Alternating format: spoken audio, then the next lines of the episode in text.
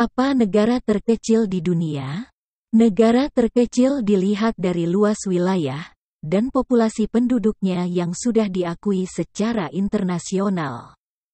Negara tersebut adalah negara Vatikan. Negara ini hanya memiliki luas wilayah kurang lebih 44 hektar saja. Populasi jiwa yang ada di negara ini hanya berkisar sebanyak kurang lebih satu juta jiwa saja.